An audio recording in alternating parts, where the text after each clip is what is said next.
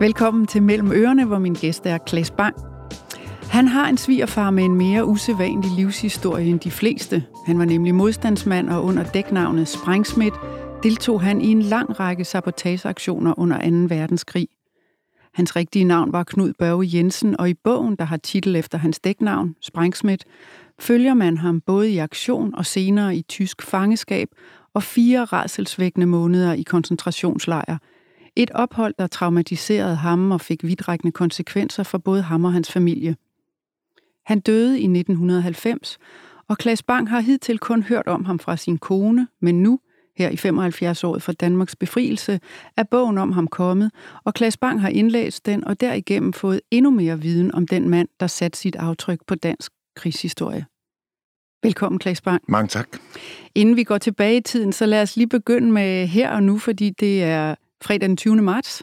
Det er coronatid, og al normalitet er jo sat på pause, og du og jeg er også... Vi er helt spritet af. totalt spritet af og sidder med lang afstand og følger alle forskrifter og sådan noget. Øhm, den her situation, den har jo konsekvenser for alle. Mm. Og hvilke ændringer har det medført for dig sådan lige her og nu på den korte bane? Jamen, altså, den helt korte bane har jeg, er jeg lige taget hjem fra en filmproduktion i Nordjylland, hvor vi skulle have været i gang med at filme her på mandag den 23., men den blev lagt ned i sidste uge øh, og sat på pause i første omgang til slutningen af april, hvilket jeg tror er meget optimistisk. ja. øhm, øh, så, så jeg er faktisk ikke rigtig klar over, hvordan, øh, hvad der helt konkret sker, og jeg ved, at de har brugt allerede rigtig, rigtig mange penge. De har bygget to små landsbyer, som vi skulle filme i, og ting og sager. Fordi den foregår i vikingetiden. Øhm, og du, havde, så, og du havde trænet op, ved jeg. Ja, jeg har trænet en hel masse, og jeg har tabt øh, 10 kilo, og øh, forsøgt at bygge mig en sixpack, og hvad ved jeg. Groet mit, forsøger i øjeblikket at gro mit skæg ned til gulvet. Det kan jeg så få yderligere tid til. øhm, Men skal du så faktisk altså blive ved med at holde dig i ja. top-tunet form, for de kan ringe med dags varsel? Nej, de kan jo ikke ringe med dags varsel. Det her er jeg ret sikker på. Men med altså, ret kort varsel?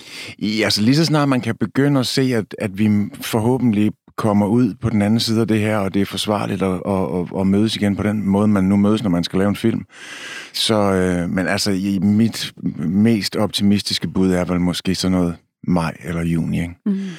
Ja, og det siger jeg jo bare krævet helt fuldt. Altså, det kan jo, altså, jeg har jo ingen forstand på det. Men hvad kræver det af dig at være standby til den film? Altså... Jamen, det kræver, at jeg holder den træning ved lige, tror jeg. Det, det, det har jeg i hvert fald aftalt med producenten, når jeg gør, og jeg har også en personlig træner herhjemme, jeg har brugt i al den tid, jeg har været herhjemme, inden jeg tog afsted. Og planen var faktisk, at vi skulle træne videre, og hun skulle komme hjem til mig, og så kunne vi ligesom gøre det øh, i, fordi altså alle centre er jo lukket. Mm. Men øh, hun skrev til mig forleden dag, at hun har været sammen med en, som er smittet, eller som er blevet konstateret smittet. Så hun er nødt til at holde sig indenfor. Ja, så nu træner du selv? Så nu træner jeg selv, ude ja. på min altan. Ja. Åh oh, gud, ja. Det er pragtfuldt. Ja, det er ja. pragtfuldt. Hvad, hvad har du hvad har du ellers måttet strege i din kalender?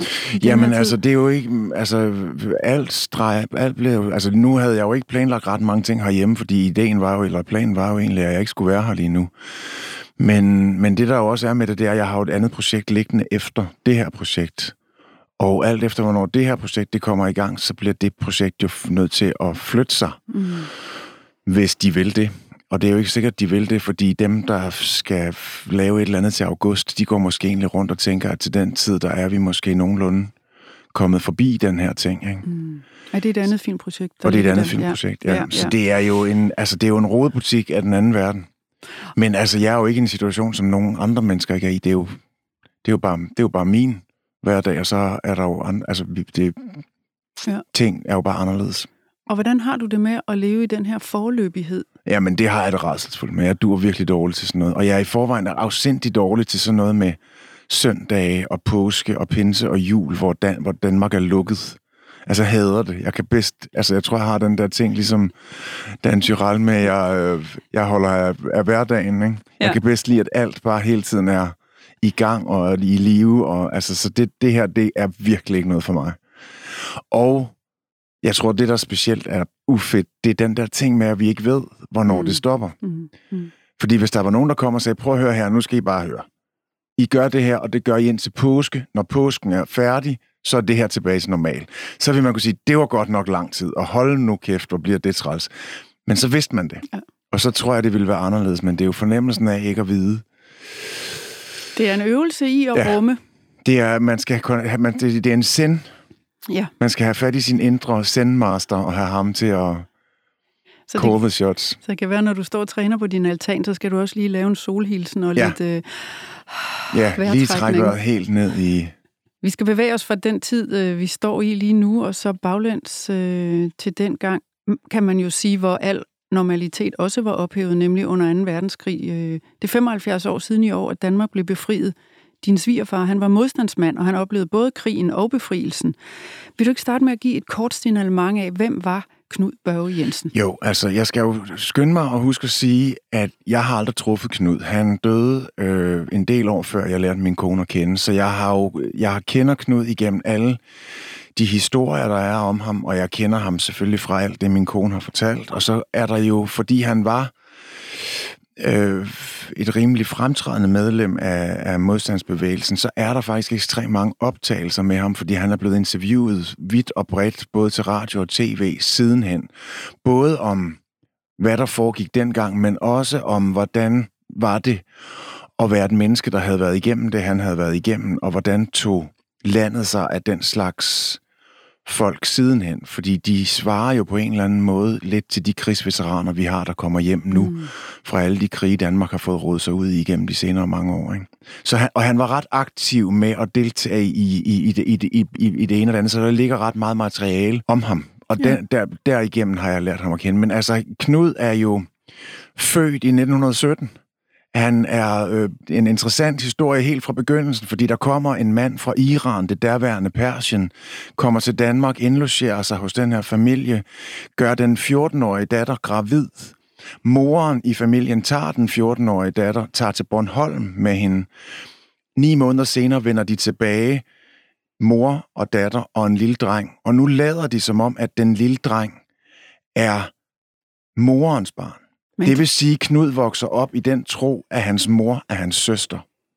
Og det var helt indtil han er 35, så vidt jeg har forstået. Først der finder han ud af, at, at der, er en, en, der er noget her, der ikke helt er, øh, som han er blevet fortalt. Knud, han bliver meget tidligt i sit liv, altså kommunist, helt fra han, jeg tror, han melder sig ind i det kommunistiske parti, da han er 16 eller sådan noget, og, og som kommunist går han ind i øh, frihedskampen i første omgang i det, der hedder KOPA, kommunistiske partisaner, som så bliver til BOPA, der det ligesom øh, fusionerer med borgerlige partisaner. Og så har han jo så et, et, et ret hæftigt forløb, hvor han, han er med til at sprænge alle mulige ting i stumper og stykker her i København i et bestræbelse på at sænke den tyske krigsmaskine. Og måske og, skal vi faktisk lige høre et klip, ja. øh, fordi han er jo ude med sprængstofferne rigtig mange gange. Her kommer en passage fra en af deres aktioner, og den er jo indlæst af dig. Vi gruppeledere sidder i dag og føler ansvaret over for det, der skal ske i aften. Ansvaret over for kammeraterne og over for, at det bliver et positivt resultat. Vi drøfter mulighederne for sabotagens omfang, om folket er modent til at forstå det, vi foretager os, også selvom tyskerne foretager repressalier. Vi er enige om, at det må og skal gøres. Folket må vækkes til at forstå, at der skal kæmpes. Vi må trods politikernes protester og opfordring til angiveri af os, få folket til at forstå, at det er os, der har ret. I aften er det FL Smidt på Gammel Køge Landevej, vi har udset os til at sætte ud af drift. Vi har udset os fabrikkens hjerte, kraftværket som det objekt, der skal sprænges. Det har kostet os næsten overmenneskelige anstrengelser at skaffe de få kilo trotyl, vi har. Endnu har englænderne ikke sendt os noget af deres sprængstof, og den eneste mulighed for at stanse virksomheden er derfor at prøve at larme dens hjerte. En halv time før aftenholdets ankomst styrer vi fra forskellige sider mod virksomheden. Vi er otte mand. Stedet, vi har udset os til at forsere virksomhedens enemærker, er en mur ud til Køgevej. Vi står et øjeblik, til der er et passende hul i trafikken, så kryber den første over, hjulpet af en anden. Pakkerne med sprængstoffer bliver kastet op til ham, og han forsvinder ned på den anden side. Da der er gået et kvarter, er vi alle kommet over muren. To af os lister os frem til stedet, hvor vores gruppekammerater foreløbig skal opholde sig. Det er en stor stabel jernbjælker, alt er i orden, der er ingen vagter at se nogen steder. Vi vinker til kammeraterne, at de roligt kan komme og skjule sig bag jernbjælkerne. Jeg tænkte, da jeg læste bogen, det er modige mænd. Ja, det må det altså have været. Øh, det kræver jo noget ekstra, fordi de sætter deres eget liv på spil. Ja. Øh, de sætter sådan set også andre menneskers liv på spil, selvom ja. de prøver at tage så mange hensyn som muligt, og, og øh, de risikerer på alle mulige måder at komme galt afsted, ja. blive taget af tyskerne for eksempel. Ja. Ikke? Altså, hvor meget talte han om deres aktioner efter krigen og indtil sin død i 1990? Altså, det er mit indtryk, at han talte rigtig meget om det. Øh, min kone fortæller, at da hun var barn, så samledes de tit, de her folk, som han, som han stadigvæk havde kontakt med fra modstandsbevægelsen. Og så kom der øl og snaps på bordet, og så, øh, så gik anekdoterne. Og jeg ved ikke, om det har været deres måde på en eller anden måde at forsøge at, at, at forholde sig til eller bearbejde mm. alt, hvad der er foregået. Fordi det har helt sikkert i hvert fald, når man læser den her bog, tænker jeg, at det har været stærkt traumatiserende for Knud. Ikke nødvendigvis de aktioner, han har lavet herhjemme, men hele den tid, han tilbringer i koncentrationslejre på et tidspunkt. Ja for, ja, for der sker jo faktisk det, at, at han og flere fra gruppen bliver taget til fange ja. af Gestapo i, i 1944, og han er i tysk fangeskab i 15 måneder. Ja. Som sagt, de sidste fire i KZ-lejren Sachsenhausen. Og, og når man læser, hvad han er igennem, og ja. hvad han overlever, så er det jo en liste, der tæller tortur, dødscellen, det er der, hvor du sidder, fordi du er udtaget til henrettelse, ja. Ja. Øh, og du ved ikke, hvornår de henter dig. De henter ham så heldigvis aldrig, men altså, han er i dødscellen. Det er sult, det er sygdom, det er afstraffelser, det er ydmygelser. Han er i perioder blind på grund af underernæring, ja. og han har bylder og betændelse, diarré, ja. og han mister, da han kommer tilbage til Danmark, der har han mistet en fjerdedel af sin kropsvægt. Ja. Øh, inden vi snakker videre om det, så lad os lige at det, der jo, det bliver jo altid så levende, når man er nede i detaljen, og vi skal lige høre en passage fra hans tilværelse i korsetlejren. Knud fik fangenummer 115.357 og beskriver nøgternt sin ankomst i en spørgeskemaundersøgelse efter krigen. I koncentrationslejren Sachsenhausen, hvor til jeg ankom den 7. november 1944 sammen med 25 andre danskere, blev vi, efter at være blevet klippet skaldet og iført fangetøj, spærret inde i en såkaldt karantæneblok i 3-4 uger. Fangerne sov i køjer, der var stablet i tre etager. Afstanden mellem dem var så lille, at en person ikke kunne sidde oprejst. I hver seng skulle ligge to, måske tre personer – Underlaget var en sæk med halm, der var så gammelt, at det nærmest var støv, hvis ikke det var muggent. Der hørte også et tæppe til indkvarteringen, og det havde vagterne et hysterisk forhold til. Hver morgen skulle det lægges sammen og anbringes glat og pænt, så køjen var jævn som en isflage og uden fnuk. Denne forordning havde betegnelsen Bettenbag, og en dårlig ret køje kunne udløse en frygtelig omgang pryl. Fangerne lærte at begå sig under disse absurde regler, som kun havde et formål, at give en papirtynd begrundelse for daglig terror som led i en systematisk nedbrydning. De redte først den øverste seng, børstede halm, støv og fnug væk fra den underliggende og fortsatte, så de til sidst kunne ræde den nederste. Dagen fulgte et stramt schema. Den begyndte reelt midt om natten, når blokældste skreg Aufstehen! Så skulle alle omgående stå op og vaske sig, hvilket var noget af en opgave, da vaskerummet slet ikke kunne rumme det antal fanger, der var i barakken. Knud husker.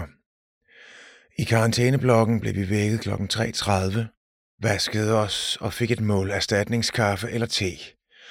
Derefter blev vi jaget udenfor, og klokken cirka 5 begyndte vi at stille op til appel. Appellen kunne tage fra 1 til 3 timer, samtidig mere. Dagen gik med eksercits, der bestod af at tage huen af og på, løbe rundt i forskellige formationer, stille op bag hinanden i fem rækker og så videre. Det hele om igen i en uendelighed.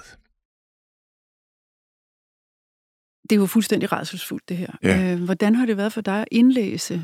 Ja, men altså, jeg vil sige, jeg tror måske, det her, det er min... Jeg ved ikke, hvad jeg har indlæst, 10-15 bøger eller sådan noget, og jeg har aldrig været... Altså, jeg, det, det blev meget øh, emotionelt, noget af, af det her for mig, og der var flere steder, hvor jeg græd, da jeg læste, fordi at det er så fjernt og svært, og, og altså det er så hårdt, men samtidig er det også, så bliver det så nært og konkret, men samtidig er det jo så umuligt for os, at, altså vi er jo vokset op i et smørhul, Ja. hvor vi jo i den tid, vi to i hvert fald har været levende, aldrig har kendt noget, der bare mindede om det. Lige nu står vi så i en situation, hvor, hvor, hvor, hvor landet er i... Hvor dronningen for første gang har adresseret os ud over sin nytårstale, faktisk siden krigens tid. Men vi er jo ikke på nogen måde presset eller øh, derude, hvor han... Altså, det er jo enormt hårdt at læse om, om, om, om de her ting, og, og hvilket, altså, når det bliver så konkret og personligt som det her, og, og grunden til, at vi, vi, vi kan vide, at det er, at det er jo fordi, der ligger så meget vidnesbyrd efter ham, hvor han selv har fortalt om det. Så det, det var meget øh, hæftigt at læse det ind. Men jeg synes specielt de passager, som, som er sådan hen mod slutningen af bogen, som handler om, hvordan det har været for min kone at være et lille barn i den her øh, øh, mands verden, altså den her voldsomt traumatiserede mand. Han beskriver jo flere gange, at han, at han, at han har sådan en ting, han fortæller gentagende gange, at han vågner altid op om morgenen mere træt, end da han gik i seng.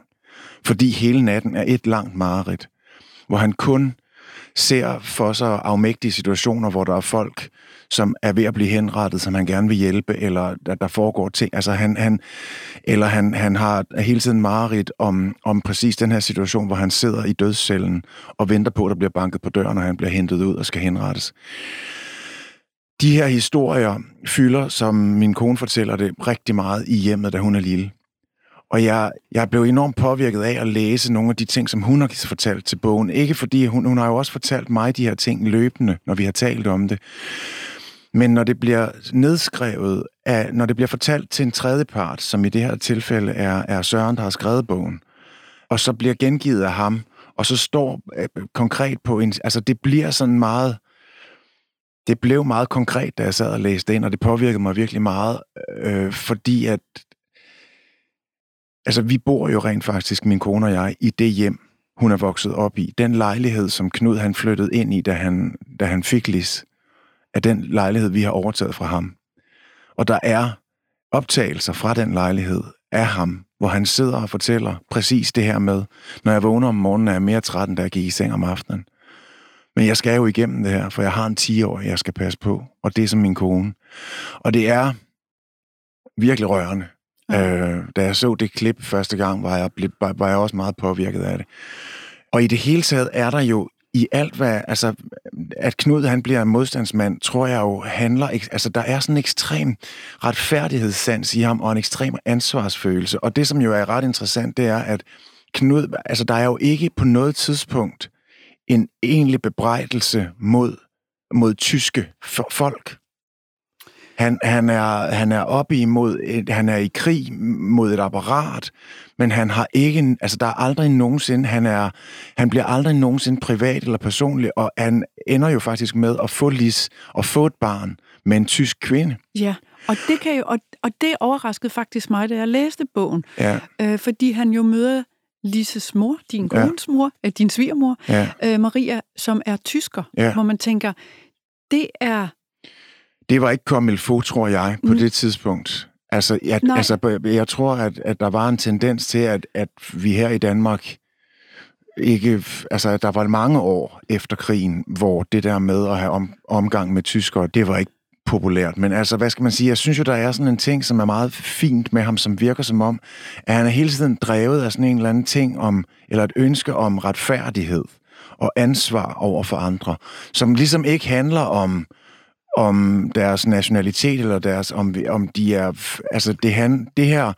er jo en ting, som Knud, som jeg oplever det i hvert fald, oplever er et apparat, der forsøger at, at trænge ind i Danmark og, og knuse os, og det vil han forsøge at kæmpe imod, men han har aldrig noget personligt opgør med, med, med, med, de, med de konkrete folk, der han har med at gøre. Nej. Der sker jo det, at han er jo 50, og Maria, hans øh, kæreste, kone, er ja. 20, da de får lige din kone. Ja. Øhm, og det er jo rigtig svært at leve sammen med ham. Øh, det finder hun jo også ud af. Hun, altså, han har for mange krigstraumer, og det er for svært med hans mareridt, og det er for svært med hans... De har sådan en ritual, beskrives det i bogen, eller hun fortæller om det, at de om aftenen sidder og så ser de fjernsyn, og så fortæller han om det, han har oplevet. Ja. Og det er selvfølgelig en del af bearbejdelsen, men til sidst, så kan hun ikke bære det mere. Mm. Og hun øh, forlader ham og flytter til Sydafrika, ja. og Lis bliver hos Knud ja. øh, her i Danmark den situation kan man forstå i bogen også, at hans spidskompetence er ikke at være en stabil far.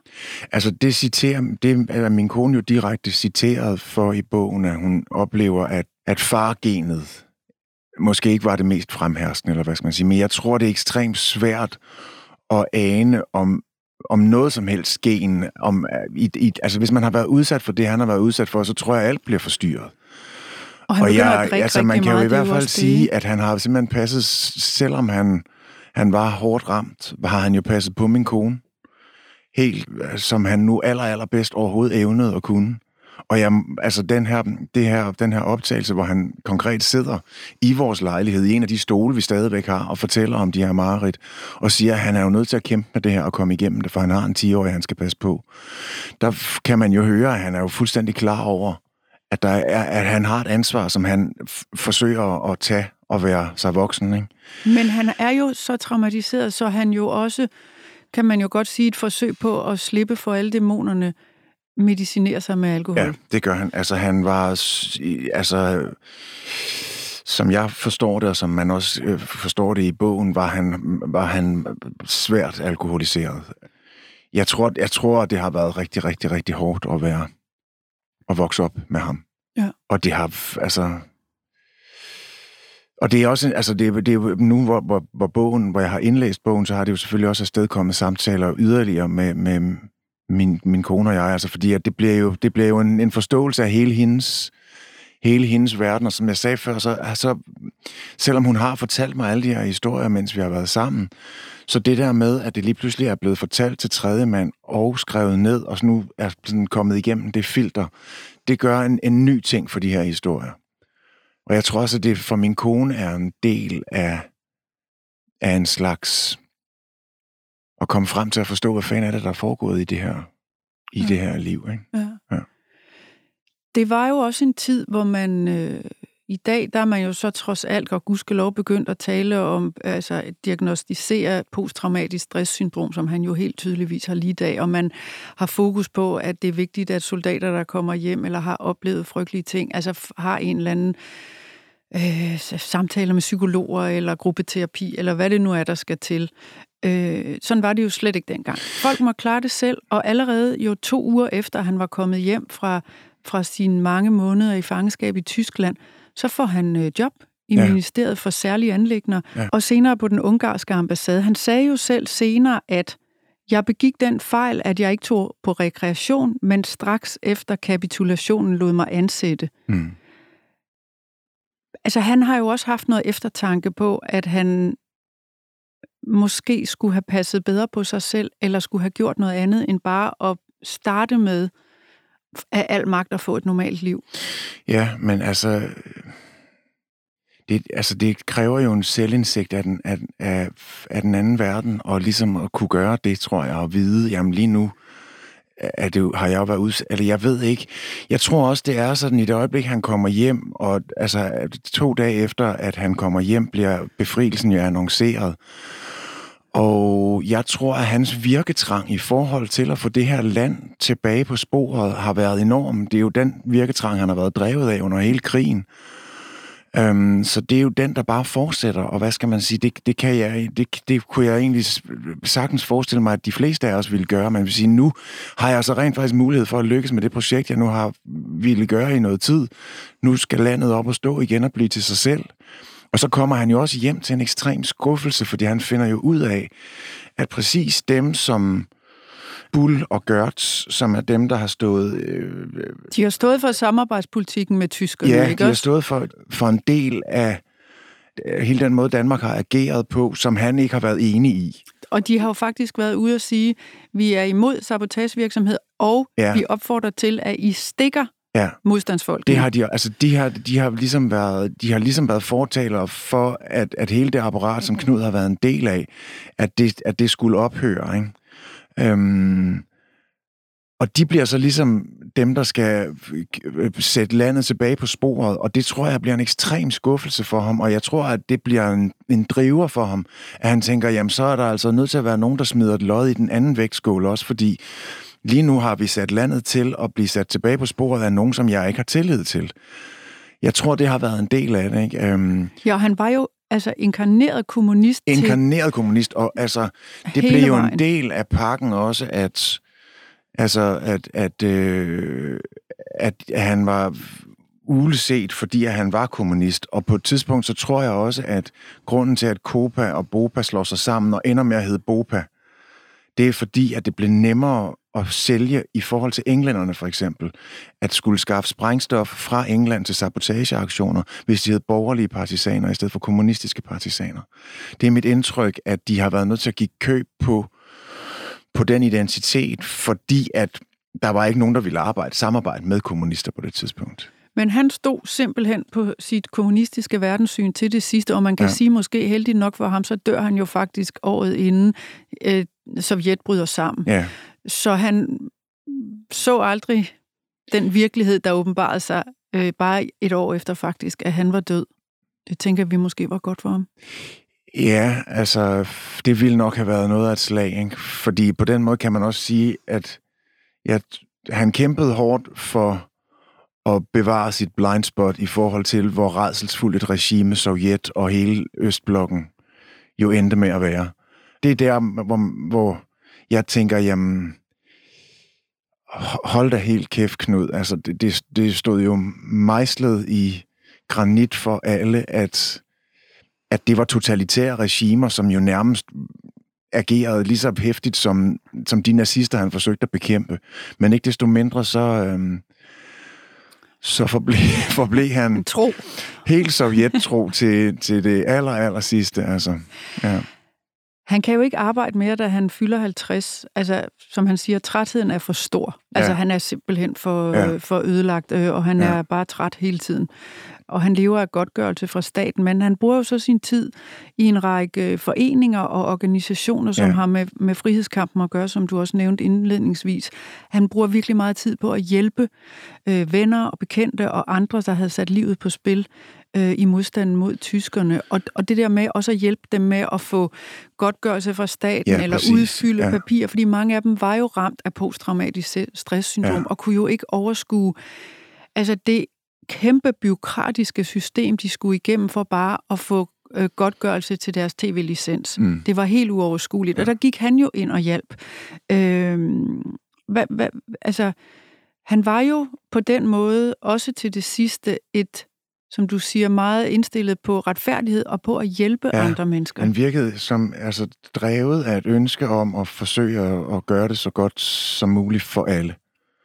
Øhm, sådan, sådan synes jeg, det virker ja. når jeg læser det. Også med, med, med, med hvad, hvad min kone lige har fortalt om ham. Ikke? Um, og det er jo ekstremt rørende. Altså, han, han øh, sætter sig i spidsen for, for, for de der ting, og er en, som, som hans øh, kammerater fra modstandskampen og fra krigen kan komme til, hvis de har brug for hjælp, når de forsumper i byråkratiet. Eller, altså. Og så tror jeg, at han var også øh, han var meget optaget af af historieskrivningen efter krigen, som handler om, altså det er jo, der er jo gamle ord, som altid siger, det er altid sejrherren, der skriver historien. Men han synes jo ikke nødvendigvis kun, at sejrherrene var de allierede på, på vores side. Han synes jo i lige så høj grad, at, at sejrherrene var alle dem over øst på.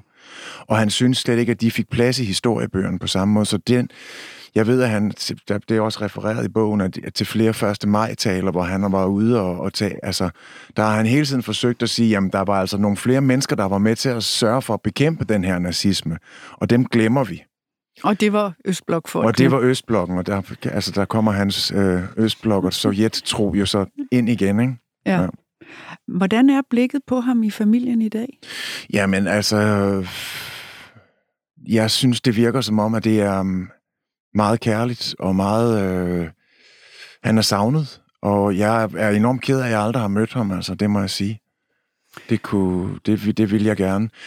Og det er også mit indtryk, at selvom at det har været meget, meget hårdt for min, min kone at vokse op i med et, med et så traumatiseret menneske og så alkoholiseret menneske, så er tilgivelsen intakt, altså. Fordi jeg tror godt, at hun har været klar over, at, at han har været op imod nogle kræfter og nogle dæmoner, som, altså, som han rent faktisk egentlig har overkommet, for jeg tror, mange var bukket under øh, i det helvede, han har været igennem. Ikke?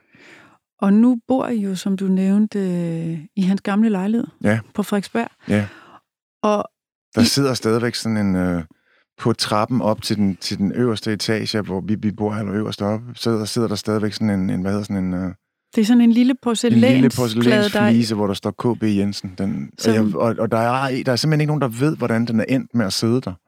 Men det er hans øh, initialer, ikke? Eller Knud Børge Jensen. Han, det, så man siger hej til ham, hver gang man øh, går den sidste etage op. Øhm, og han er i lejligheden. Altså, han går og flytter på ting og slukker lyset en gang imellem. Og sådan Gør han? Ja, der, der er i hvert fald et spøgelse derinde. Han døde jo. Han lå jo i halvandet døgn på vores badeværelsesgulv. Øhm, indtil en af hans venner, han havde en aftale med en, en ven, som han, ikke, øh, som han ikke overholdt, og den her ven begynder så at lede efter ham, og kommer så ud på adressen, og og får fat i underboen og siger, der er et eller andet mærkeligt ovenpå, for vandet har løbet i halvandet døgn, og så får de brækket døren op, og så ligger Knud Børge på gulvet og har været ved at sætte håret, da han har fået et, et anfald af, jeg ved ikke helt præcis, om, han, om det er et hjerte eller en hjerneblødning eller hvordan, men han er i hvert fald faldet om på vores badeværelsesgulv. Han er der stadigvæk, det er helt sikkert. Han lukker, han lukker en dør en gang imellem. Og han passer på jer stadigvæk? Ja, det føles ikke som noget uhyggeligt. Det føles som om, at han, øhm, at han er der en, er på en virkelig fin måde. Det er jeg glad for at høre. Ja, det er jeg også. tak, Klaas. Selv tak. Hils din søde kone. Det gør jeg. Og tak til dig, der lyttede med på Genhør. For mere mellem ørerne, brug kampagnekoden Cecilie og få 30 dage gratis adgang til tusindvis af lydbøger på Mofibo.